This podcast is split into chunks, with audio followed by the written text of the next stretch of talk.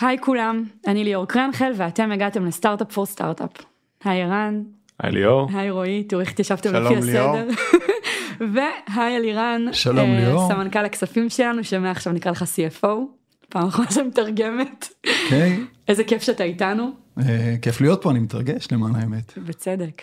ואחרי שבעצם בפרקים הקודמים סקרנו את האירועים המרכזיים על פני ציר הזמן, אה, ודיברנו על השחקנים שחשוב להכיר בתהליך הנפקה ועל שאלות בסיסיות, בפרק הזה נדבר על השלב האחרון בתהליך, שלב שנקרא ה-road show. ה-road show בעצם מסתיים בקביעת השווי של החברה ובהרכבת הבוק, אה, שזה בעצם אה, בחירת המשקיעים, וכמובן באירוע חגיגי בנסדק וקונפטי וכאלה.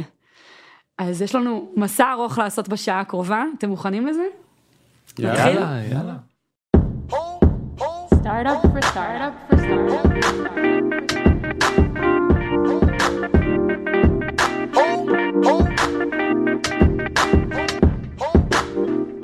אז הרוד הוא בעצם אה, עשרה ימים כולל סופש באמצע שבהם אנחנו על הילוך ממש ממש ממש גבוה נכון?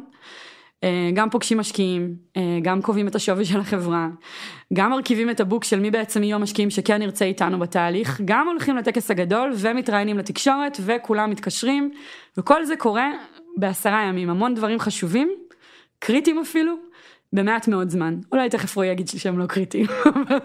הגענו לשם כבר, אה, כן. כן, חכה. אז אני אוסיף עוד דבר אחד ואז אני באמת רוצה לשמוע קצת מכם אבל עד עכשיו בפרקים הקודמים דיברנו על תהליכים ארוכים תהליכים של חודשים סיפרנו שכתיבת התשקיף היא תהליך באמת ארוך אה, פגשנו משקיעים עשינו הרבה דברים שגם אה, כמות הזמן שהם צורכים די תלויה בחברה יש חברה שתחליט לרוץ אותם ויש חברה שתיקח לעצמה שנתיים כדי לעשות אותם. הרוד שהוא תמיד פרק זמן הזה מדברים תמיד על כמה ימים בין חמישה לשבעה ימים ובעצם נכנסנו לאיזה טאנל כזה שכשאנחנו יוצאים ממנו אנחנו כבר חברה ציבורית. אני מקווה שהצלחתי להחזיר אתכם לתחושה. לגמרי. ותספרו רגע איך זה הרגיש. אה, בואו נחזור אחורה כמה חודשים אחורה, שלושה חודשים אחורה, אה, ליוני. איך זה מרגיש, אלירן? וואה, מחזיר אותי אחורה. אה, זה היה תהליך מאוד אינטנסיבי, מאוד מרגש. עשינו אותו בניו יורק, אני זוכר שהתלבטנו. האם לעשות את הרוד שואו בישראל דרך זום, או לעשות אותו מניו יורק באופן אישי, כאשר אנחנו פוגשים את כולם בזום.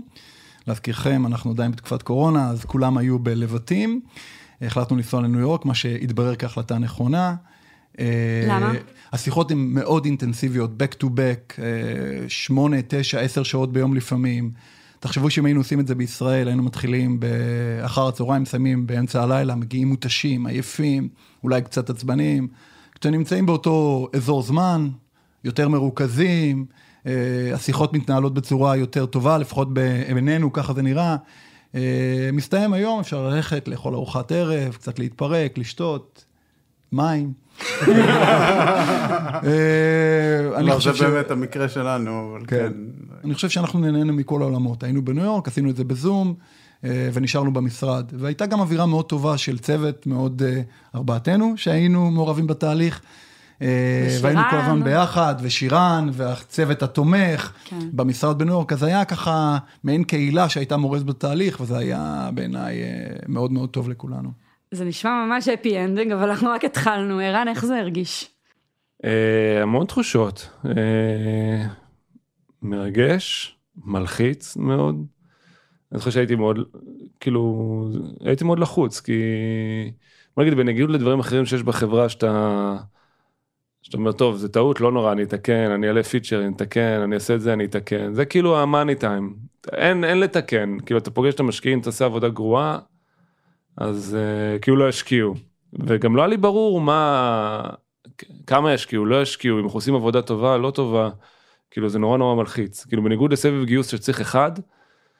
שיגיד לך כן, אז פה אתה בכוונה מחפש הרבה. ואומנם השתפרנו מפגישה לפגישה, אבל זה כזה תהליך שגם היה קצת קשוח, כי לא אין פידבק. אז uh, נוצר הרבה לחץ, כאילו לאורך התקופה הזאת, והתרגשות ותחושות כאלה. רועי. אמ, תבחר מילה אחת שמתארת את התחושות שלך בשבוע הזה. לפני או אחרי, או בתוך כדי, כי לפני זה אמרתי יאללה בוא נעשה את זה, לא היה לי יותר מדי אה, התרגשויות, היה כאילו... התאחדו מטרה. כולם עשו את זה, כן. ומסלילים אותנו, ויש בנקאים, יש זה, כולם כאילו תומכים בנו, אנחנו לא, לא צריכים יותר מדי להבין. ותוך כדי? אף אחד לא מסביר לי מה קורה, ומסלילים אותי לתוך הדבר הזה, ואני הייתי שמח לדעת מה המטרה של מה שאני עושה. מעולה. אני רק רוצה להוסיף, אה, רועי מדבר, אני חושב קצת אי ודאות כשאתה בתהליך כן. הזה, אבל משהו שהיה ייחודי אצלנו, אני חושב שדיברתם על זה גם בפרקים קודמים של הפודקאסטים, שלא קיבלנו כמעט שום דבר כמובן מאליו. והייתה גם בתנאי אי ודאות הרבה עבודת הכנה. אני זוכר ליאור שאת דיברת עם אה, אחד הבנקאים שלנו, אלן אנקו, ובעצם ביקשנו לדעת מי המשקיעים ולדרג אותם ולקבל רשימות, אז כן עשינו שיעורי בית, וכן אה, הסתכלנו על משקיעים לפי קטגוריות שונות. כמובן, על בסיס מה שהיה ידוע, אנחנו לא יכולים לצפות איך הם יתנהגו אחרי הפגישות איתם, אבל אני כן חושב שאחד הדברים שאני באופן אישי לוקח איתי מההנפקה הזאת, ובהנפקות הבאות שאני אעשה, אה, כשאני אהיה גדול אני אנפיק כן. עוד חברות. אה, וכן, וזה שבאמת עשינו עבודת הכנה טובה מאוד בתנאי ודאות, ואני ממליץ על זה למי ששומע אותנו, כן אה, לעשות את השיעורי בית הללו. לגמרי. ואתה לוקח אותי אלירן לשלב הבא, כי עכשיו אנחנו ניכנס בעצם להסביר באמת צעד צעד מה, מה זה ה-road show, ויש דברים שנדבר עליהם שצריך לעשות כדי להיות מוכנים, ויש דברים שנדבר עליהם שכדאי לעשות, שאנחנו עשינו, וגילינו שמבחינתנו הם היו must, אבל כמו שאמרת בעצמך, אולי לא כולם ניגשים לזה ככה, וחבל לפספס, כי תוך כדי תנועה בעשרה ימים האלה קשה מאוד להתחיל להתניע תהליכים חדשים. אז יאללה, אלירן, אם כבר אנחנו איתך, תספר רגע מאפס מה זה road show. אה, מה זה road show? זה בעצם אה, אה, סדרה מרוכזת של מפגשים עם משקיעים בשוק ההון שאמורים להשקיע בהנפקה של מאנדיי. אנחנו מדברים על כעשר פגישות בממוצע ביום, שמתחילות באזור אה, שמונה בבוקר ומסתיימות אה, בחמש, שש אחר הצהריים, back to back, מעט מאוד זמן אה, בין פגישה לפגישה.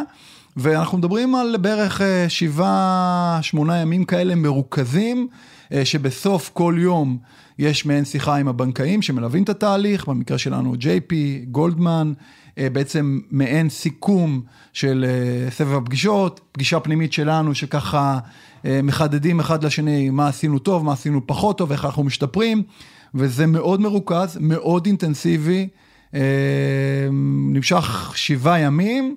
ו, ובסופו של דבר זה מוביל לתהליך של ההתמחות, או בעצם קביעת המחיר של המניה אה, יחד עם הבנקאים. אה, אז אני אוסיף כמה דברים.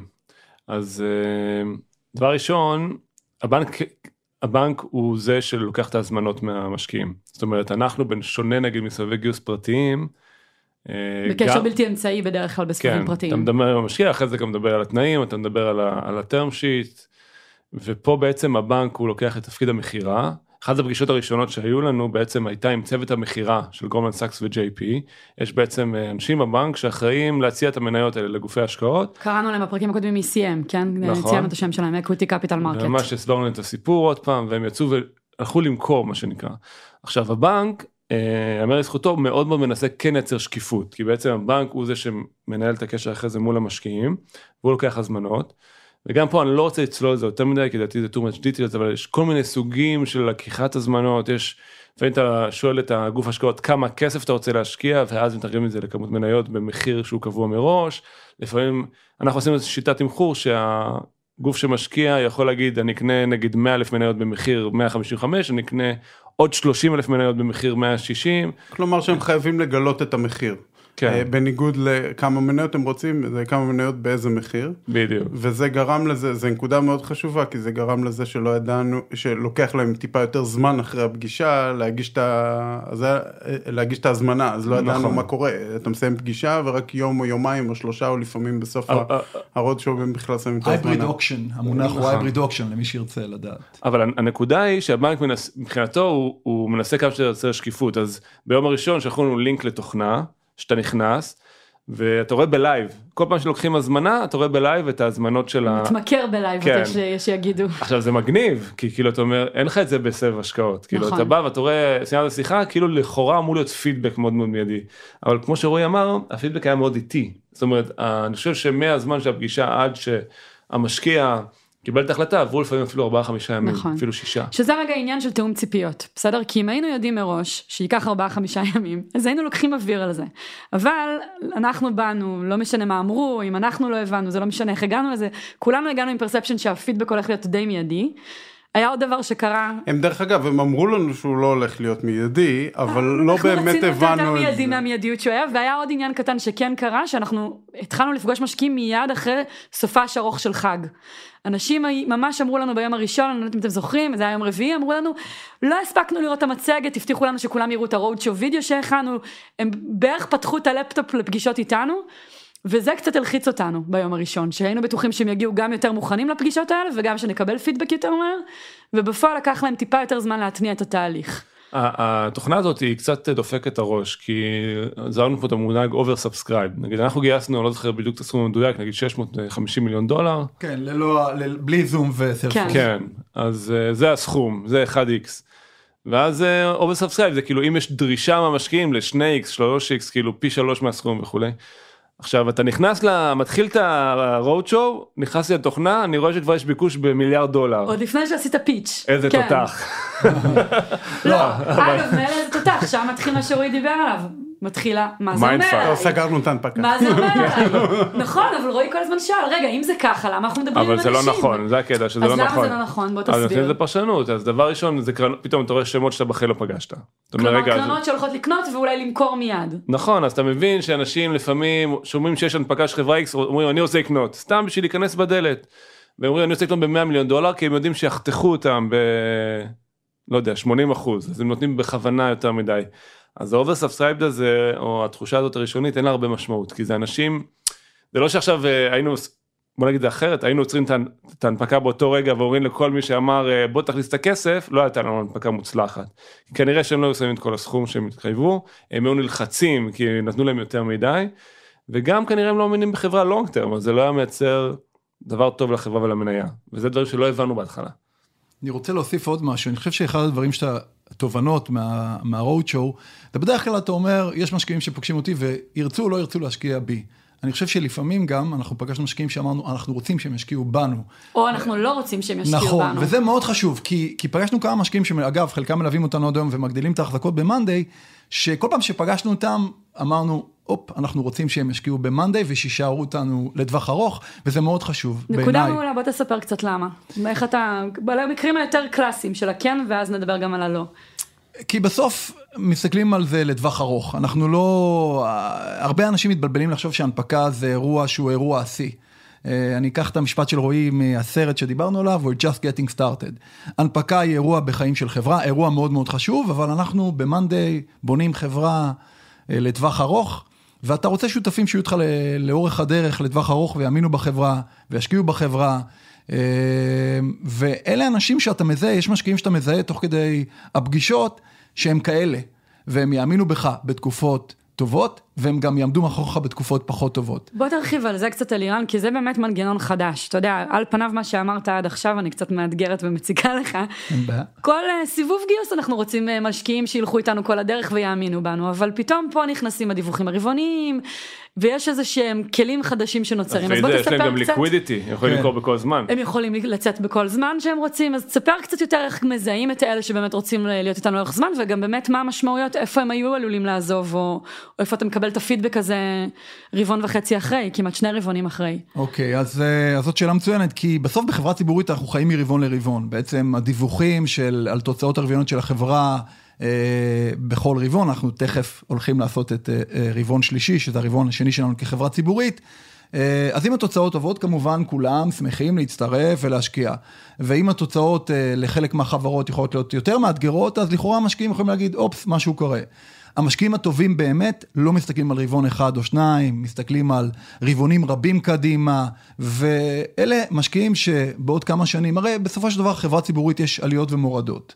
יהיו לפעמים תקופות בעתיד אולי פחות טובות, המשקיעים האלה יישארו איתנו, ולכן, אולי אני מקווה שעניתי לך על השאלה, אנחנו רוצים את המשקיעים האלה איתנו לאורך זמן, המשקיעים הטובים באמת, לא פליפרים. ואיך אנחנו שקורה. מזהים אותם אה, תוך כדי התהליך הזה? כאילו אולי מה, אני- מה המידע שאנחנו אוספים עליהם כדי שנוכל אה, לקבל ביטחון שיש סיכוי שהם יהיו כאלה? דבר ראשון זה תחושה שבא מישהו ואומר לך תקשיב נרשמתי למוצר אני מאמין ב space הוא נותן לך ניתוח של ה space. הוא יודע להשוות אותך ולדבר את החזון שלך כמו שאתה מדבר, אתה אומר וואו, יש פה מישהו שמאמין בחזון, שמישהו מאמין בחזון והוא מתחבר לסיפור ה long term י, הוא, אתה יודע שהוא לא יושפע מתנודות במניה כאלו או אחרות, כי הוא רואה את העתיד כמו שאתה רואה את העתיד. אז אתה אומר השאלות שהוא שואל בעצם, אם הוא לוקח את השאלות. למקומות שהם יותר אסטרטגיה ויותר vision ופחות details, מה שאנחנו קוראים. כן, אבל אתה קולט גם ב vibe, כאילו, יש אנשים שכאילו לכאורה מאמינים, אבל כאילו מזלזלים, או, או מייצרים כאילו תמונה אחרת מאיך שאתה רואה אותה. הוא אומר, השוק יתנהג אחרת בעתיד. כן, עד כדי "אוקיי." כאלה שאמרו לנו אני לא מאמין ב space, כן? כן, היה לנו אחד כזה, כן. אז הוא, ואחרי זה הוא גם שם הזמנה, ואמרנו אוקיי, אבל לא, לא מתאים, כאילו, אין לנו סיבה לחשוב שהוא יישאר איתנו לאורך זמן. בעצם הם רוצים לפתוח פוזיציה, זה העניין, הם רוצים שיהיה להם אה, כמות מסוימת של מניות, ובחברה זו התחושה שלנו, לא אה, לעשות משהו שהוא טרנזקציוני קצר טווח, הנה המניה שלכם תעלה או לא תעלה, אלא האם השוק יעלה, האם תהיו שחקן דומיננטי בשוק, לונג טרם, עכשיו מה שיפה זה שאמרו לנו את זה גם, שהמון קרנות הכי פליפריות שיש הם כאילו... פליפר רק בוא נסביר נחזכיר זה זה כאלה שנכנסות ויוצאות כן. מיד. כשיש עלייה. כן. כן.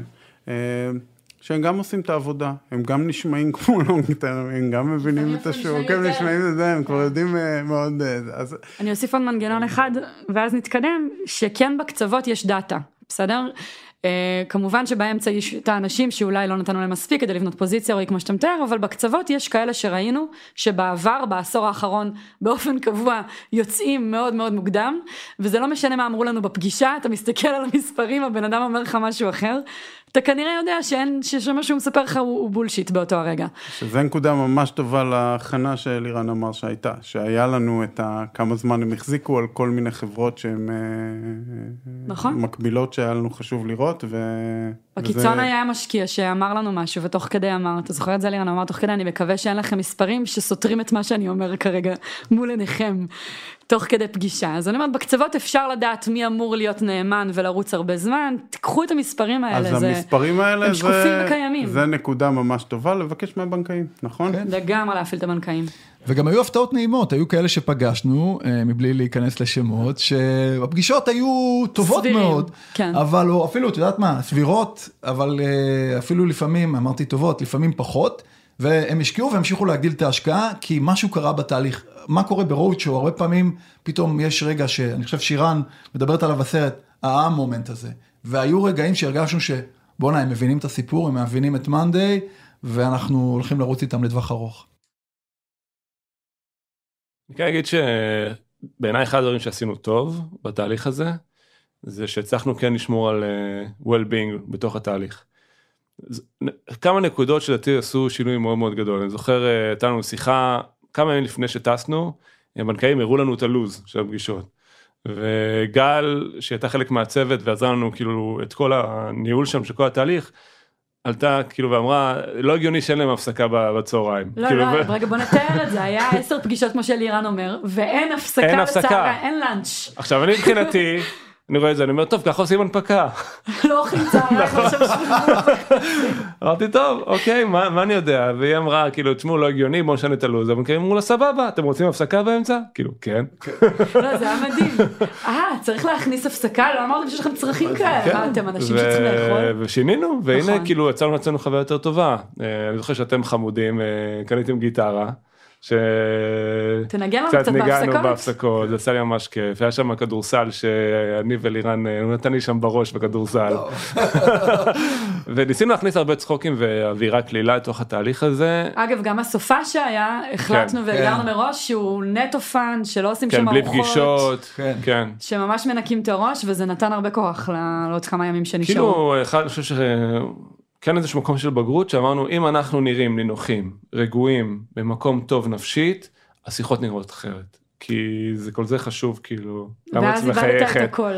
בסדר תשמעי הלחץ היה לחץ אין. אה, לא, בסדר, בוא נספר דווקא, כן. התמודדנו עם זה יפה, אבל בוא נספר, לא דיברנו כן. על זה עדיין בפודקאסט. כן, אה, אני חושב שכתבתי את זה בקהילה בפייסבוק נכון. שלנו בסטארט-אפ פור סטארט-אפ אבל. אה, ש- לא זוכר יומיים לתוך התהליך. כן, זה התחיל בהתחלה, התחלתי להרגיש קצת, ואז אה, ביום השני, אני חושב באמצע היום, פשוט באחת הפגישות, דיברת, היה לי קול צרוד, אבל התחלתי לדבר, פתאום בפגישה באמצע היום, לא יצאו לי המילים, אין, הפסיק לעבוד.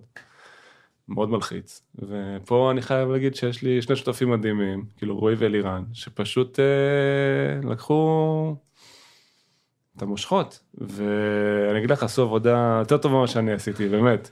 כאילו, זה היה מדהים לראות את זה. זה מתחבר, זה-. אם אני שנייה בעקרונות יותר כלליים ולא רק בהנפקה, למשהו שאנחנו תמיד מדברים עליו עם יזמים, ערן, תמיד אתה מזכיר את זה ליזמים, שכולם צריכים לדעת הכל. כן. כאילו הדבר הזה התאפשר כי תמיד במצגת שואלים מי יעשה איזה שקף. הגענו מאוד מהר למצב ששלושתכם יכולים לעשות את השקפים אחד של השני. והכל טוב, כאילו לנו תהיה ביקורת פנימית על עצמנו כי אנחנו אנשים מעצבנים, אבל כלפי חוץ הסיפור יעבור מעולה בשלושת הגרסאות. בפגישה הראשונה זה היה בשביל הצחוקים, אמרתי את כל הבדיחות שערן אומר, איך הוא אומר את זה במשפט, לא במילים שלי, במילים שלו, מרוב שאנחנו עושים את זה כל כך הרבה פעמים. נכון, ומרוב שכולכם יודעים לקחת אחריות ולהבין לעומק את כל, אין כזה זה לא שלי אז אני לא מבין את זה. אה, אני חושבת שזה משהו שנבנה לאורך זמן, ערן, זה לא ככה מתעוררים בבוקר בלי קול וכל אחד לא, יכול... אה, תשמעי, גם היה לי הרבה מתמודדות עם עצמי, גם אני באותו רגע הרגשתי שאני מאכזב, שאני לא מדלבר, שכאילו מה, איך זה קרה לי, אבל אה, בסדר, אני התמודדתי עם זה יפה, אמרתי הכל טוב, בני אדם. אני חושב. שמשהו טוב שיצא מזה, זה שגם זה נתן לגיטימציה בכל אחד מאיתנו, אני זוכר כאילו פגישות שרועי אמר לי, תשמע אחי אין לי כוח, נכון. וכך הובלה, אמרתי סבבה, ולירן גם כאילו הפגישות שיותר דומיננטי, וכאילו נתנו אחד לשני יותר... הנה זה טיפ אה, קונקרטי, אפילו כן. היה שלב ששאלנו על כל יום באיזה פגישה זה בסדר שמישהו ייקח הפסקה. כן. הפסקה זה בין לא להיות בפגישה בכלל ועד להיות בפגישה ופשוט לא לדבר, לא לא להתאמץ, כן. לאגור כוחות, אני נכון זה היה בזכות זה. בפגישה האחרונה כבר הוא אמר לי, תשמע אין לי כוח. הוא אמר לי קח את הכל, אמרתי זה לא... אבל אבל אני גם שהיו פגישות פחות טובות והרגשנו שהפגישות היו כמעט מיותרות תמיד באנו לפגישה וזה חשוב סופר מוכנים נכון. סופר מקצוענים כן. לא לא לא זלזלנו וזה מעבר לכימיה אני חושב שבסוף זה תהליך שהיה בו כימיה מאוד טובה זה לא טריוויאלי הרבה פעמים בתהליכים מאוד אינטנסיביים אנשים כבר מותשים ככה נוטים להקל ראש אנחנו כשהיינו מול משקיעים אז היינו כאילו סופר מפוקסים אובדן קול. ו- וגם קשה לדעת, כי יש משקיעים שכאילו הטכניקה שלהם לדבר זה להיות אה, לא נחמדים, כאילו לשאול דווקא שאלות מעצבנות כאילו. טון ו- מעצבן. טון, מע- כאילו, כן. זה הקטע שלהם, לא יודע, לא, זה כאילו ככה הם אה, זה. נכון. ו- וצריך לסנן את זה. צריך, אה, כן, צריך, צריך לקחת. נגיד זה אחרת, יש אנשים, יש משקיעים שמקבלים ביטחון מלתקוף אותך ולראות איך איך אתה מגיב. לא משהו אישי, פשוט כן, זה כן, הסגנון. שום דבר לא אישי חשוב כן. להבין זה לא כן. אישי בכלל. אגב ו- עוד מילה על הפורמט כי לא אמרנו את זה ולנו זה פתאום נראה מובן מאליו. בדרך כלל פגישות עם משקיעים מציגים מצגת ואז יש איזושהי שיחה. כמו שערן אמר את הרוב המוחלט של המשקיעים כבר פגשנו קודם וגם אלה שלא. אה, הרשות לניירות ערך ה-SEC מעמיד בפניהם שני כלים אחד זאת המצגת המעודכנת שלנו באתר והדבר השני זה סרט סרטון רוד שואו. הרבה מהם מגיעים כשהם כבר מכירים את המטריה והם מגיעים עם רשימה של איזה 30 שאלות. עכשיו הדינמיקה היא דינמיקה חדשה עם משקיעים, כי כל הפגישה היא בעצם איזה 30 שאלות שיורים אלינו ואתם עונים, ועכשיו שעה. עכשיו מה- למה אני אומרת את זה עכשיו רועי? כי מתחילים שיחה עם בן אדם והטון לא בא בטוב, אתה עכשיו 50 דקות צריך לענות על שאלות, ואם אתה מתחיל באנטי, והיו לנו איזה שיחה או שתיים שנפלנו, אז פתאום אנחנו עונים קצרים, אז פתאום הבן אדם עוד יותר מתעצבן, והמקום הזה שתוך כדי תנועה לעצור ולהגיד רגע, כמו שאלירן אמר, ניתן לו את הכל כי מגיע לו את הכל, והרבה פעמים בהפוך על הפוך, כשאנחנו נרגענו גם הם נרגעו, אתה זוכר את הכמה פעמים כן, האלה אבל רועי? הזכרת לי משהו ממש חשוב, שכאילו, ממש. חשוב שהוא אותו דבר כמו ארוחת צהריים שערן אמר לגבי הפגישות האלה. אה, אמרו לנו כולם הגיעו עם הסרט, לא צריך מצגת, לא צריך כלום, הם ראו את הסרט, הם קראו את המצגת, הם מגיעים מוכנים, בן אדם שואל מה זה מאנדיי, כן? כאילו זה סיטואציה. לא היה? הרבה כאלה, אבל לא היה. היה, כן, ואז אמרנו, רגע, אנחנו רוצים לעשות את המצגת, אנחנו רוצים לעשות את הדמו כמו שאנחנו רוצים, כאילו, והם אה, נתנו לנו על זה הרבה פושבק. אה, הבנקאים, כן. הבנקאים. ועשינו את זה, וזה כל פעם הוכיח את עצמו נכון. מחדש, כאילו הדמו נניח היה הדבר שהכי הסביר לאנשים את המערכת, לא יעזור מה, כי אנחנו יודעים איך להסביר נכון. את, את מה שצריך כדי להיות ברור, והתעקשנו על זה, וזה, אז, אז כלומר, צריך להפריד בין זה שפגשתם כבר אה, מיליון משקיעים בחיים שלכם ואתם יודעים מה עוזר לבן אדם כבן אדם להבין משהו, לבין זה שזה IPO ואתם לא מבינים משהו והבנקאים כן, כלומר זה פתאום מתערבב, רגע, הם יודעים איך לדבר עם המשקיעים האלה וזה, אז לא, אז כאילו צריך להפעיל. שיקול דעת ולהיות מסוגלים. להבין מה נכון אה, לכם, ו, ו, ולא כי זה הנפקה אז כאילו פתאום כל העולם מתהפך וכאילו נכון. שיחה נראית אחרת. ושתי סיבות קונקרטיות לעשות את המצגת, עשינו אותה בגרסה מקוצרת באמת. אחת היא שלפעמים באמת היה מישהו בחדר שהכיר את החומר, אבל הצטרפו אליו אנשים שלא שמעו או לא פגשו אותנו מעולם, ואז נוצר איזה פער כזה בהבנה בחדר ויש פער בשאלות. והדבר השני הוא באמת השאלות. גילינו כל פעם מחדש שכשאנחנו עושים את המצגת, השאלות מגיעות בקונטקסט. וכשלא עושים מצגת, אז לפעמים מגיעה שאלה שיש איזה שלושה או ארבעה דברים, כשלים לוגיים, הנחות שאנחנו מבינים שמניחים מתוך השאלה הזאת שצריך לנ- לנטרל אותן. עכשיו אה, אני רוצה שתדברי גם על אה, הדברים שאת עשית תוך כדי הפגישות כי זה מאוד מאוד חשוב שני דברים אני רוצה שתסבירי כן. אחד שעשינו בעצם אה, בסוף הפגישה בעשר דקות האחרונות אה, היה לך גם כל מיני שאלות למשקיעים שגם זה היה מאוד מאוד משמעותי שקבל את ההחלטה מצד שלנו במי לבחור אה, וגם היו המון דברים מאחורי הקלעים. נכון. אז הדבר הראשון שאתה מדבר עליו מתחבר למה שאלירן סיפר בהתחלה, איך נדע אם משקיע הוא טוב או לא טוב. ובאמת, עוד פעם, אנחנו עושים את זה בכל הסבבים שלנו, אבל יש איזו הנחה שאומרת שרק המשקיעים אמורים לשאול אותנו שאלות, ולנו כבר ברור מזמן בסבבים, שזאת ההזדמנות שלנו גם להכיר אותם. אז כל שיחה התחלנו עם האמירה, כדי שזה לא יפתיע אף אחד, שחמש, שש דקות אחרונות אנחנו רוצים לשאול אותם שאלות. אמ, ואפילו עוד קודם אגב כל פגישה התחילה בזה שביקשנו לשמוע על הקרן שלהם רגע שנייה לפני שאתם יורים עלינו שאלות בואו תספרו מי אתם. בסוף השאלות היו קבועות שאלה קבועה אה, עוזרת זה שוב מעולמות של ראיונות ומכל דבר להשוות כן אם אתה שואל את אותם את, את כל הקרנות אותה שאלה אתה כבר יכול להתחיל להשוות את התשובות. ולא יכולנו לשאול אז מה אתם תשקיעו או לא תשקיעו אז שאלנו אותם איפה אתם שמים את מאנדיי בתוך האקוסיסטם נכון מה אתם חושבים על, ה, אה, על העולם הזה של ה... ואז נתנו להם גם להגדיר את העולם הזה לא רצינו להגיד להם אם זה פרודוקטיביות אם זה work operating system נתנו לכל אחד להגדיר את ה... איך, איך הוא תופס את העולם הזה.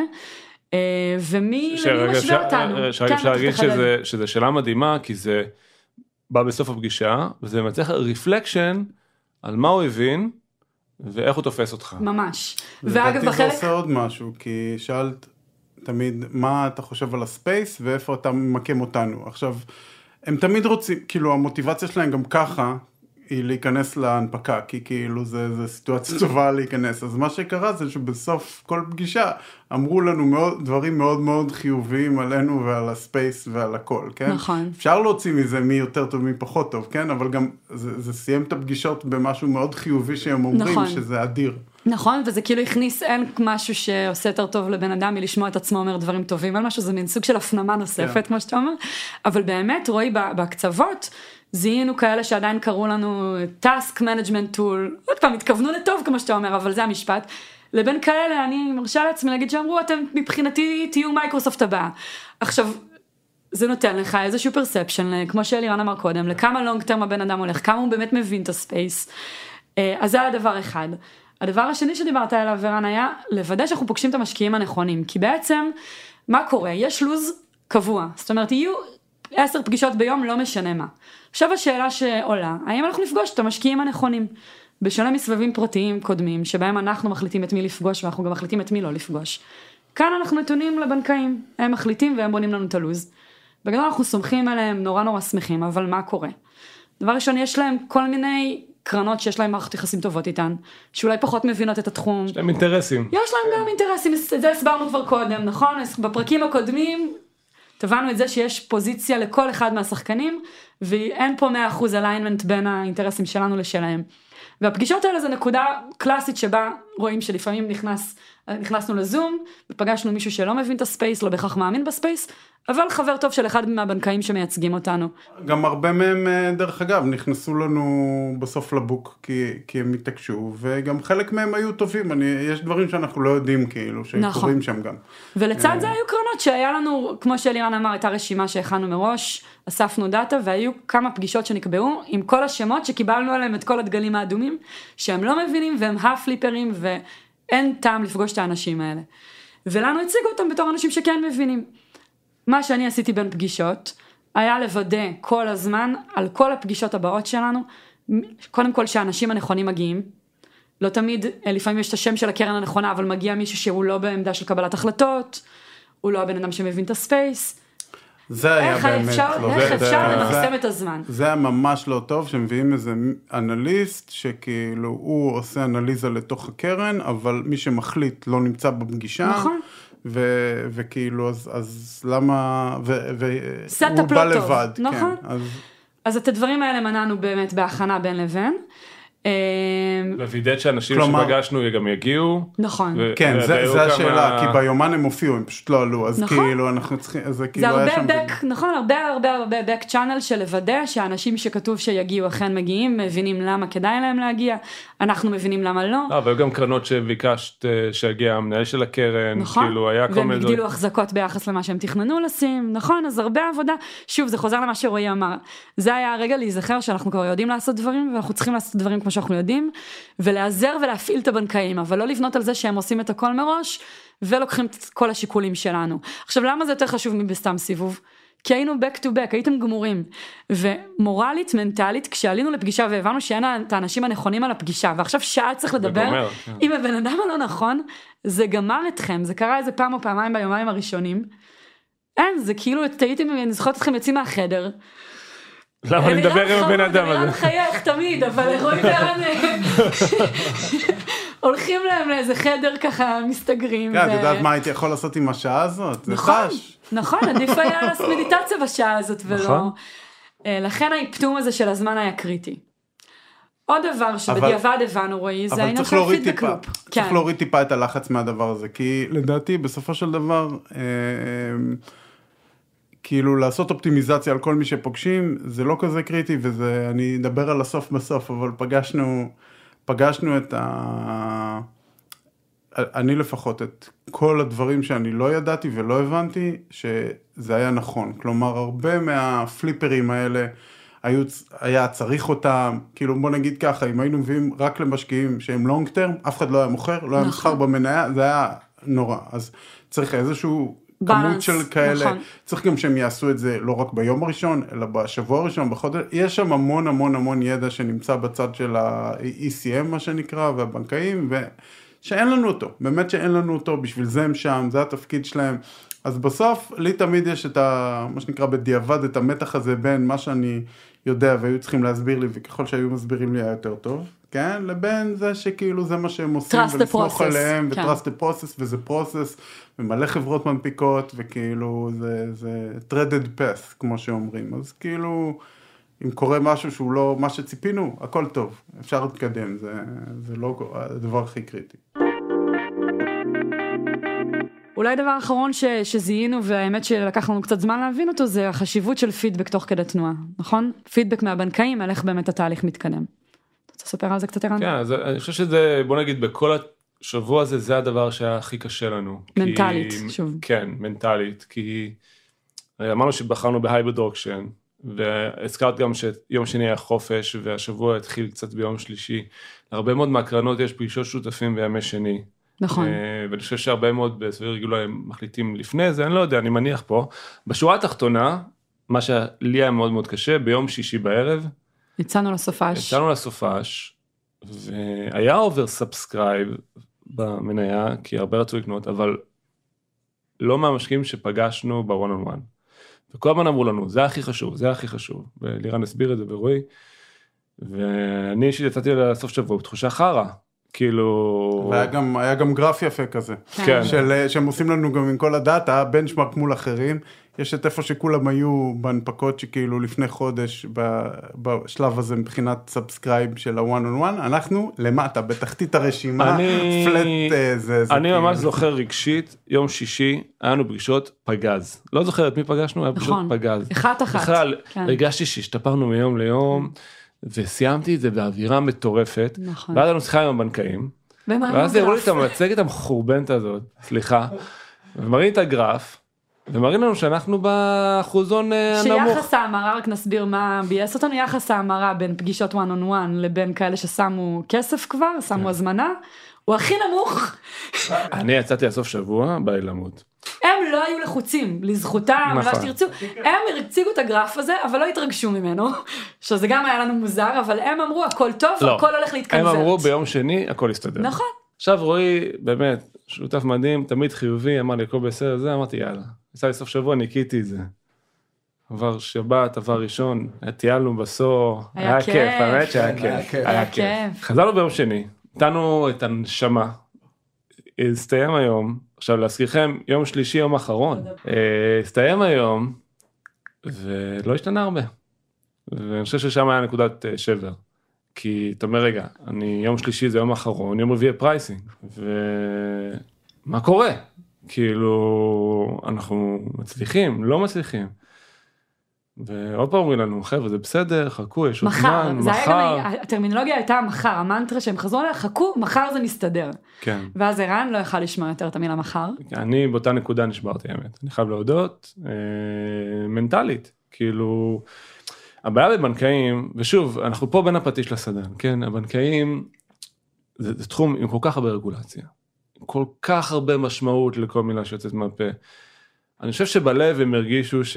והם שמעו גם, שהכל בסדר, שהחברה מצוינת, שהמשקיעים מתלהבים, אבל הם לא יכולים להגיד דברים כאלה. הם יגידו, תקשיבו, יהיה בסדר, זה תהליך, כן. אה, אני לא זוכר בדיוק את המ- סט המילים, ה... לא אגיד מכובסות, אבל הם מאוד נזהרים לא לבוא בהצהרות, נכון. שאחרי זה אפשר לבוא ו... כי גם אה, חברות אחרות, אתה תטען, אחרי זה זה לא יצא, הם לא רוצים בדיוק. אה, זה, ואז כן. אתה נשאר בתחושה שאתה לא יודע איפה אתה נמצא בכלל, אבל יותר גרוע מזה, מראים לנו בנצ'וורק, זה לא שזה כאילו הכל שחור, הכל כאילו, אנחנו לא יודעים כלום, אנחנו יודעים, זה גרוע, כאילו, לפי לא. המידע שאתם כן, מראים, זה- כן. בזמן הזה מול חברות אחרות, ואז... אה, ניסינו להבין, כן? בסוף הם אומרים, תשמעו, לפני חודש זה היה השיא של השיאים של נסדק אי פעם בהיסטוריה של האנושות, אז עכשיו טיפה ירד, הכל טוב, אבל את זה לא קיבלנו את הפרשנות הזאת לפני. נכון. היה פער, וזה הכי הרג אותי, בין התחושה שיצאנו, עכשיו אני פגשתי משקיעים כל החיים שלי, באמת. ברוך השם, אני יודע מתי משקיע מתלהב, אני יודע, כבר גיליתי, לא let's have lunch sometime, אלא כאילו אני יודע שהוא מתלהב. ו... ואני רואה שהם מתלהבים, אני רואה שהם בעניין, הם שולחים לנו אחרי זה follow up ים על זה, הם רוצים להשקיע, ובתוכנה לא זה לא רואים כלום. מתעדכן, כן. והבנקאים לא מעבירים את המסר, נכון? נכון. כן, כי הם מקבלים משם, הם מקבלים בלי מסרים מאחורה, הם אה, אומרים להם, אה, אנחנו עובדים על זה, אנחנו רוצים זה, נכון. מה, הם לא רוצים גם משקיעים מהצד שפה- שלהם, לא רוצים לתת משהו לא טוב ב hybrid auction, שהם לא יהיו off לגמרי ויצאו מהמשחק. פה אני רוצה רגע לקחת אחריות אלינו, הבנקאים האלה עובדים גם עם הרבה סוגים של יזמים, וכבר הבנו את זה, ולירן ציין בהתחלה, שאנחנו החלטנו להפוך כל אבן בתהליך ההנפקה. יש יזמים שלא רוצים את הדיטלס תוך כדי, רק רוצים להתמקד ולרוץ, ואני חושבת שאני באמת, אם יש משהו שאני לוקחת מזה, זה לא לקחת שום דבר כמובן מאליו, משהו חשוב לנו, בהחלט. אנחנו חייבים לתקשר אותו. עכשיו למה אני אומרת את זה? כי בשנייה שערן התעצבן, הושבנו את הבנקאים בחדר, אמרנו להם תקשיבו, אנחנו רוצים real time feedback. כל מילה שאתם מקבלים, כל עדכון, כל משפט, כל לא יודע, אנחנו רוצים לקבל, קיבלנו כל עשר דקות מיילים. עכשיו, באמת אני אומרת לך, אתה יכול לבוא ולהגיד, אוקיי, איך הם לא עשו את זה קודם? כי מישהו אחר היה אומר, למה אתם מוציאים עליי את כל המיילים האלה? יש כאן עניין של תיאום ציפיות, ותמיד זה חוזר לזה שאולי אנחנו לא תקשרנו עד הסוף את אני הצרכים. שלנו. אני חושב ש... שהבנקאים הם נסו לעשות מה שהכי טוב לחברה. ולפעמים לחכות עוד יום, לחכות לדקה 90, יש להם leverage על המשקיעים והם ניסו לעשות באמת הכי טוב, אבל מה לעשות, אנחנו בני אדם. אני לא יכול לעבוד בוואקום, אני לא יכול לפגוש כל יום 15 משקיעים, כן, ו- ולא לקבל, לא. לקבל פידבק, נכון. כאילו חייב משהו, אנחנו בני אדם, אנחנו פועלים בצורה הזאתי. ואמרנו להם, תקשיבו, די, לא אכפת לנו עוד אופטימיזציה, לא אכפת לנו עוד יום, עכשיו, כן או לא, נכנסים, לא נכנסים. אני לא יודע אם זה הוביל שינוי, לא יודע, כאילו... הוביל, הוביל לשינוי. אני- אני מאוד מתחבר אגב למה שליאור אמרה מקודם, אה, שאנחנו ביקשנו לדעת, אני, זה נשמע כאילו קודם כל היה happy end. אני אולי אקדים את המאוחר, שווה להגיד, כן. היה conversion rate של 91 אחוז באחד על אחד, שברנו שיאים. כן. כן, הכי, אמרו לנו, 70 אחוז זה טוב, 80 מצוין, אם תעשו מעל 90, הנפקה פנומנלית. רגע, בואו נגדיל, זה היה חודש שהיו בו המון הנפקות, נכון. זאת אומרת גם לא יכולנו לבחור את הטיימינג, היו תחרות, זה תחרות מלכת יופי ואנחנו נבחרנו במקום טוב, והיה אפי, זה חשוב, אבל כן, אה, אני חושב שמה שערן מדבר, אה, יש בתהליך הזה תהליך אינטנסיבי, דיברנו על זה, נכון? זה תהליך מאוד אינטנסיבי, אמוציונלי, מעייף, אז טבעי שיהיו נקודות שבירה, אף אחד לא שבר את הכלים, אבל ערן, אני זוכר את היום הזה שערן בא ואמר למי שדיבר איתנו, אחד הבנקאים, תקשיב, אני רוצה לדעת מה קורה, דבר איתי בשפה שאני מבין, וזה היה ממש במקום, זה לא היה אה, אגרסיבי מדי, זה לא היה, זה היה ברור, מובן, ולחלוטין אה, עשה שינוי מאוד משמעותי, כי מאותו רגע בעצם הם הבינו שהם כנראה לא מעבירים את המסר נכון, והם תקשרו איתנו בצורה הרבה יותר טובה, והייתה, זה נקרא את האווירה. כי נבנה איזשהו מומנטום כן. לקראת זה. אני חושב נכון. שבטוח זה עזר לנו בתחושה. אני חושב שאנחנו היינו בתחושה יותר טובה, שלפחות תקשרנו להם את זה, והם מבינים מה חשוב לנו. והם קיבלו את זה והם טוב. קיבלו את זה טוב, כן. כן, ועשו עבודה מדהימה, אני חייב לתת להם אה, בהחלט. פידבק, כאילו, וגם לא היו דפנסיביים, כאילו, הם באמת רצו לעשות מה שטוב לחברה, ואני חושב שזה נתן לנו רוח גבית, ולפחות לי ברמה האישית קצת שינה את האנרגיה, כאילו, קדימה.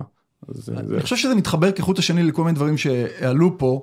לא לבקש, לא להתבייש, סליחה, לבקש מהבנקאים מידע.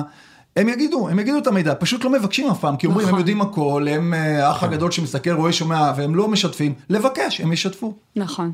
כן, להבין מה אתה צריך, זה זה הנקודה.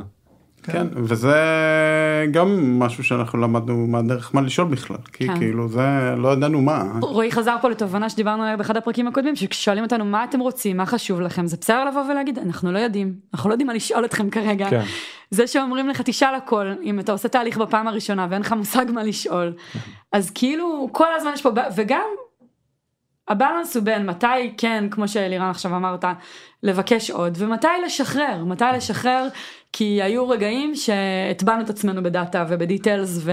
כן, פתאום כשאת אומרת את זה אני אומר זה כמו לשאול את ה... לשאול את הבת שלי עכשיו בת 6, שאל אותי מה שאת רוצה על החיים. כאילו, בדיוק.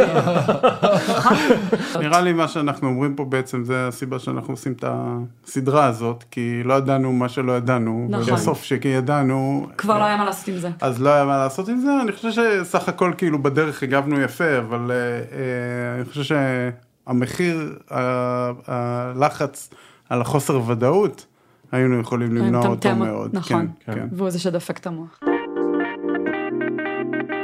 יש לנו מרתון של דקות, אה, שדווקא מסמל יפה את, ה, את הזמן שהקדשנו לתהליכים הבאים. שני דברים מאוד חשובים, קביעת הוולואציה, השווי של החברה, וסגירת ה book, שזה בעצם הבחירה שלנו מסך המשקיעים שרוצים להשקיע, מי ייכנס ובאיזה סכומים. כל זה קרה באיזה פגישה של חצי שעה ועוד פגישה של חצי שעה, כן. ביום האחרון, ממש ממש דקה לפני. כשכולם ציפו שייקח לנו שעות ונלך כן. לתוך הלילה, פשוט סגרנו את זה יחסית מהר, אז. אז מה זה, איך קובעים את השווי, מה אפשר לעשות כדי להשפיע עליו, מה הייתם רוצים לדעת על pricing בדיעבד, בוא אלירן תאמלק לנו את הסיפור הזה. אני אתחיל, אז אה, בעצם בתום פגישות ה roadshow, שיש לנו כבר איזשהו, יש לנו איזשהו מושג לגבי מה משקיעים רוצים לעשות, ואנחנו מדברים על 91 אחוז, 91 אחוז conversion rate, בעצם אומרים, אוקיי, בוא, הבנקאים מציגים לנו מצגות של חברות דומות לנו ב benchmark, לא בהכרח בשוק שאנחנו פועלים, אלא בכלל, מה המכפילים המקובלים בשוק, באיזה וולואציות, איזה תחומים, SaaS. אה, אבל כשהתחלנו את ה road כבר ידענו מה המחיר, זאת אומרת הוצאנו את ה... כן, נכון, אבל- אני לא טועה. כן, ידענו מה, ידענו מה הטווח. בדיוק. אנחנו לא היינו, וזה חשוב להגיד, לא היינו גרידים. אמרנו, אנחנו בונים, דיברנו על לבנות מערכות יחסים לטווח ארוך, יצאנו בהנפקה להזכיר לכולם, המחיר היה 155, תכף אני אסביר בקצרה מאוד איך עושים את זה. יכלנו גם לצאת ב-160, אתם זוכרים שהבנקאים לא עשו לנו פושבק, אמרנו לא, אנחנו רוצים אז ש... מה, מה זה אומר לצאת ב-160? זה אומר שזה מה שהמחיר שנבקש וזה מה שהם ישלמו, הוא גבוה יותר, אבל הם ישלמו יותר, כן? אבל... לא עשינו אופטימיזציה למחיר שאנחנו יכולים להשיג הכי גבוה, אלא עשינו אופטימיזציה למערכת היחסים בינינו לבין המשקיעים. שמחיר שהוא הגון, התחלנו, אם אני זוכר נכון, ב-140, נכון.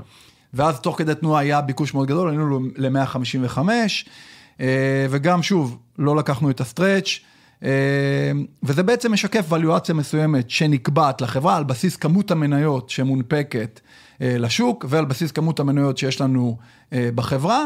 בעצם זה גזר ואליואציה של קרוב היה ל-7 מיליארד דולר.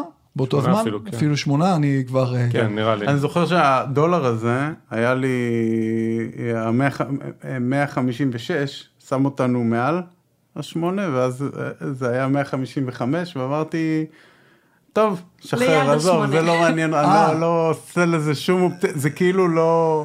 אני, היה אני, אגיד, טוב. אני אגיד למה זה קרוב לשבעה ואז שמונה, כי יש discount, בעצם הם אומרים אוקיי, אנחנו יוצאים במחיר לשוק, לוקחים ככה אחורה איזשהו discount, כי משקיעים יקנו את זה במעט יותר נמוך, 10 אחוז, 15 אחוז discount, ואז בעצם המ- המניה מגיבה בתחילת יום המסחר, שהוא יום אחרי זה, בעלייה כזאת או אחרת. אתה יודע מה אני אוהבת בשיחה הזאת? את המטה. זה שאף אחד מכם לא זוכר מה הייתה הוולואציה אומר הרבה. הוא באמת אומר הרבה, עברו עוד פעם שלושה חודשים מאז. אף אחד מכם לא זוכר כרגע מה היה השווי של כן, החברה לא- כשהנפקנו. לא ניסינו לאפטם לזה, כן, כן. זהו. בוא נדבר על זה שנייה. כן. יש לזה משמעות, אין לזה משמעות, כמה לא, משמעות אני- יש לזה. אני זוכר שניהלנו שיחה ואמרנו תקשיב אנחנו לא מנסים לאפטם את הדבר הזה אנחנו רוצים שוב זה חשיבה מול לונג טרם אמרנו אנחנו רוצים להביא את המשקיעים המשקיעים האלה מאמינים בנו אנחנו מאמינים בהם. ואנחנו לא מנסים עכשיו לדחוק אותם לאיזושהי שווי מאוד מאוד גבוה אלא בוא נעשה משהו שהוא הגיוני כדי שגם הם יוכלו להמשיך לקנות אחר. כך? הם לא האויב שלנו, כלומר יש כן. איזה קטע כזה ש... מנסים לדפוק אותנו. כן, כן, כן. כאילו כולם מנסים לדפוק אותנו, אנחנו צריכים להשיג את המקסימום בשביל עצמנו, אפשר ל- למתוח את זה בנקודה הזאת, אפשר גם לא. ואז אה, אה, זה, שוב, מה שאמרתי בהתחלה, זה מביא למשקיע מחיר נמוך, הוא רוצה לפתוח פוזיציה שהיא הרבה גד- גדולה בהרבה ממה שהוא מקבל, מהאחוזים שהוא מקבל, הוא רוצה נניח פי שתיים יותר אחוזים, והוא קיבל מחיר נמוך, מה זה אומר? שאחרי ההנפקה הוא יוכל לקנות מחיר הרבה יותר גבוה, ובממוצע הוא יגיע למחיר שהוא רוצה. אז כלומר להביא להם איזה מחיר נמוך יותר, אומר בעצם אה, שזה מאפשר להם להגדיל את הפוזיציה. עכשיו מי שלא מאפשרים לו להגדיל את הפוזיציה, הרבה מהם לא נשארים עם פוזיציה קטנה, הם צריכים איזה גודל מסוים. אז הם פשוט עושים לזה דאמפ, זהו, הם אומרים, טוב, לא נצליח, כי המחיר עלה, בסדר? אנחנו במחיר הזה לא קונים את כמה שרצינו, וזה גם עוד יעלה כי נקנה וזה. לא משתלם להם. לא משתלם, אז הם פשוט, כי הם לא רוצים לנהל את זה, כן? אף אחד לא רוצה לנהל איזה, לא יודע, משהו שהוא קטן לעומת הגודל של הקרן שלו. אז הם פשוט עושים לזה דאמפ ומשקיעים טובים. אז זה גם המשמעות של ה- למי לתת מה, וגם המחיר אה, שקובעים. וזה גם, אה, יש פה אומנות. כן, אני אוסיף עוד משהו, אה, להזכירכם גם בתהליך אה, של גביית המחיר, ישבו איתנו הבורד. ואחד הדברים המאוד חשובים, בסוף יושבים שני יזמים שהקימו את החברה, רועי וערן והבורד, מאוד סומך עליהם, וממש היה פה תהליך, לי מהצד היה מאוד יפה לראות איך גם הבורד משתף פעולה ואומר, תקשיבו, מה שאתם ממליצים לנו כחברה, למרות שהיו דיונים, וזה דיונים לא פשוטים, כי משקיע ותיק בחברה רוצה לכאורה לאפטם את החזקותיו ולעשות כמה שיותר כסף.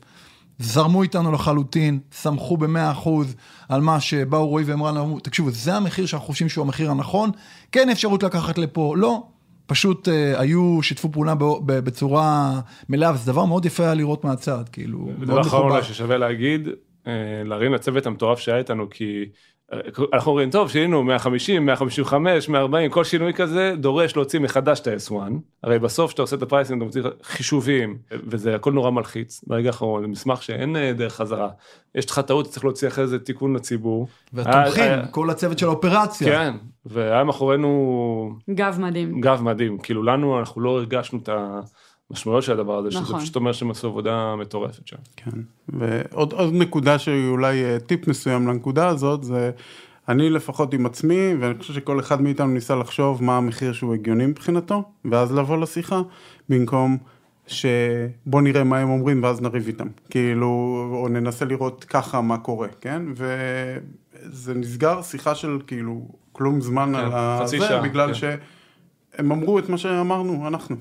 כאילו מה שביררנו, נכון. ומה שאמרנו, זה מה שהיה בול, היינו מרוצים, כאילו לא היה על מה... על, על שום דבר, כאילו פשוט הסכמנו לגמרי. אז לי זה עזר התרגיל הזה שאני יודע לפני זה, כן? שאני לא... כאילו, זה הוציא את עצמי מהמקום הזה שאני חושב שזה טוב או לא טוב, אני החלטתי לפני זה מה זה טוב, וזהו. אה, עכשיו, איך הגענו למספר הזה? זה, אני לפחות אה, רנדום, כן? כאילו, זה לא, זה תחושה, כן? זה כמו אה, סבב גיוס. איך עושים בסבב גיוס ווליואציה של חברה? מה שאתה מבקש מול מה שאתה מרגיש, ובסוף גם לא להיות גרידי וכאילו... וזה, אז בערך אותו דבר. שלב אחרון אה, זה שלב שנקרא הבוק.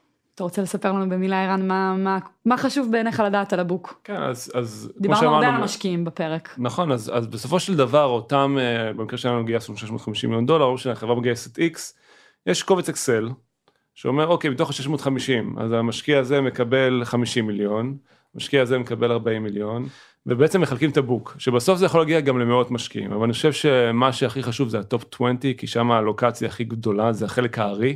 אנחנו חילקנו את זה ל-60 אחוז משקיעים אסטרטגיים, אה, 25 5 אחוז אני חושב מידיום טרם כזה ו-15 אחוז יותר פליפרים, אה, וזה כזה אלוקציה שהיא מקובלת. אה, וממש החלטנו, תראי בסוף ההמלצה של הבנקאים הייתה טובה, עשינו קרוס רפרנס עם הבוק ראנר שלנו עם אלן אנקו והבנקאים אחרים, כולם עשינו טוויקים, אבל כמו שלירן אמר הבורד ראה את זה, אמר תקשיבו המשקיעים מעולים, מבחינתנו זה סבבה, עוד טיפה פחות טיפה לכל אחד, רצינו לוודא שזה סכומים טובים, ובסוף אה, לירן והצוות כאילו סגרו את הבוק הזה של אה, 100 ומשהו משקיעים שסך עושים סם ל... לציר שכולל את כל המניות זה בדיוק הסכום שאתה מגייס והחלוקה בין המשקיעים. כן, היה לנו איזה מישהו אחד או שניים שהזזנו למעלה כי מאוד כן. אהבנו. והפוך. וכאלה שלמטה, כי כן. חשבנו שהם עוברים. כן, היה איזה קרן של ליאור עמוד תקשיבו הם מנסים לדחוף בואו קצת נוריד אותם אה, היה קרן שהורדנו לגמרי נכון, היה כאלה שהעלינו מלמטה כי היו לנו מערכות יחסים איתם וידענו כן. עליהם משהו שאולי לא ידעו, הדאטה לא ידע עליהם. כן, אני חושב שהבוק זה סגירת מעגל שהתחיל ב... אם אני מתייחס לתהליך של החברה מרגע שהחליטה לצאת להנפקה, מה-TTW הראשון, או בפגישות המשקיעים הראשונות אתה פוגש משקיעים, ואז אתה מגיע בעצם לסוף הדרך, אחרי שעשית TTW, roadshow ופגישות נוספות, וסוגר את הבוק. והבוק בעצם, על בסיס הידע שצברת בפגישות, על בסיס הידע שהגיע מהקשרים שלך עם אלן קור והבנקאים האחרים, בסוף מתכנס לרשימה, והטופ 20 שרן דיבר עליהם, זה בעצם המשקיעים שרצינו שיהיו, וכולם היו. כן נכון. אין לנו זמן לדבר היום על ה- על ה-D-Day, אולי שווה שנעשה על זה פרק. אולי נעשה על זה פרק, אבל אנחנו נסיים את הפרק היום, אז עשינו כזה, אתם, התחלנו את הפרק שהחזרתי אתכם אחורה בזמן, ועברנו דרך כל הדיטלס, ושוב, בואו ננצל את זה שאנחנו כמה חודשים אחרי. ועכשיו שאתם מסתכלים על הרוד שואו ועל, ועל כל התהליך הזה, מה בעיניכם חשוב ככה, במה הייתם מציידים את היזמת או היזם שהם שנייה לפני איזה רוד שואו? אה, אני חושב שנתתי את הטיפ הזה בהקשרים אחרים כמה פעמים אבל יש תחושה כזו שאתה נכנס לטריטוריה לא ידועה שכולם יודעים יותר טוב ממך אבל בסוף אתה יודע הכי טוב מה נכון לך. ואם אתה יודע לתקשר את זה בזמן אמת זה פשוט מקל את החוויה בטירוף. ואני לומד את הדבר הזה כל פעם מחדש אני חושב שבתור חברה לומדים את זה כל פעם מחדש אני חושב שעשינו את זה. ו... תקשורת ולהבנה של הצרכים שלך זה אחד הדברים הכי חשובים. בתהליך הזה שהוא מתבטא בהרבה חוסר ודאות ואובדן שליטה, זה קצת מקום של להחזיר לעצמך את הוודאות ואת השליטה ולהבין מה נכון לך. אוי, אמ, אני מרגיש שכאילו מה שאמרו לנו כל הדרך ומה שאנחנו אמרנו לעצמנו הוא נכון. כלומר הלונג טרם הוא יותר משמעותי, ה- מה שנקרא החתונה קורית אבל אחרי זה חיים ביחד וזה צריך, זה, זה מה שחשוב. אה, וגם שאמרנו את זה וגם שידענו את זה, זה עדיין לא משהו שחוויתי אותו, עדיין יש את הלחץ הזה הנקודתי ועדיין יש את האופטימיזציה הנקודתית ועדיין זה כאילו, אם אני לא אשיג את זה, מה זה אומר וכאלה, אני חושב שככל שמשחררים את זה יותר ואומרים, טוב, איך רוצים שהמניה תיראה אחר כך, איך רוצים שהמשקיעים שלנו יראו, ומניה שנראית אחר כך מבחינתי זה שהיא עולה ונראית ירוקה וכולם שמחים, וכאילו, תמיד הגרף של גוגל הוא, או, אה, נו, או, שיור... או שהוא אדום או שהוא ירוק, כן? אז כאילו לא להיות גרידים בנקודה האחרונה ולהבין שכל התהליך הזה הוא כאילו בעצם אה, עושים אותו הרבה אנשים והוא, והוא פשוט עוברים אותו גם. אה, היה, היה משחרר עוד טיפה, מוריד מהלחץ. כן. אלירן? אה, אני אוסיף על מה שערן ורועי אמרו, תשתדלו ליהנות בתהליך. זה תהליך מורכב, זה תהליך אינטנסיבי, תעבדו עם אנשים טובים, הכי טובים, צוות שיקיף אתכם וכמובן אה, תומך בכל ה-road show, וליהנות מהתהליך, בנוסף לכל הדברים האחרים והחשובים שנאמרו פה. אני אוסיף שהדבר היחיד שאי אפשר להתפשר עליו פה, זה הצוות הפנימי שלכם. ולא נגענו בזה הרבה בפרק, אבל כל פעם שנדמה לכם שיש משהו לא טוב, זה הרגע לעצור ולדבר את הדברים פנימית. כי בסוף ישנו טוב בלילה, כי שמחנו אחד על השנייה, ושום, אין לזה תחליף. אז תתחילו את הבדק בית מבפנים, ועל זה יש לכם שליטה מלאה, וזה לא בנקאים, ולא חתמים, ולא משקיעים, אה, ועם זה גם תמשיכו לעבוד ביום יום אחרי זה. יאללה. ואנחנו כאן בשבילכם, גם בקהילה, גם באתר, אם יש לכם עוד שאלות. אה, רועי הבטיח עוד פרק עכשיו, אז אנחנו נתראה בפרק הבא להנפקה. תודה רועי, תודה ערן, תודה אלירן, תודה לכם. תודה ליאור. תודה. שהאזנתם. תודה ליאור. Startup for startup for startup.